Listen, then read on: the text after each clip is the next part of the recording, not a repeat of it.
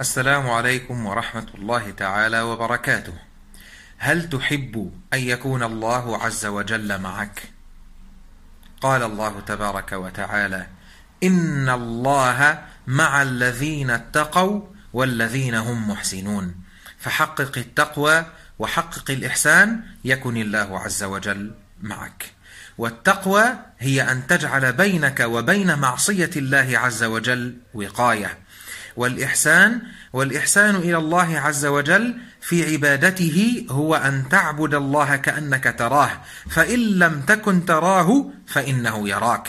والإحسان إلى خلق الله سبحانه وتعالى هو بفعل كل ما هو حسن معهم.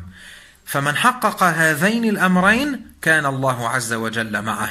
جعلني الله وإياكم من الذين يستمعون القول فيتبعون أحسنه. وصلى الله وسلم وبارك على نبينا محمد وعلى آله وصحبه أجمعين. والحمد لله رب العالمين.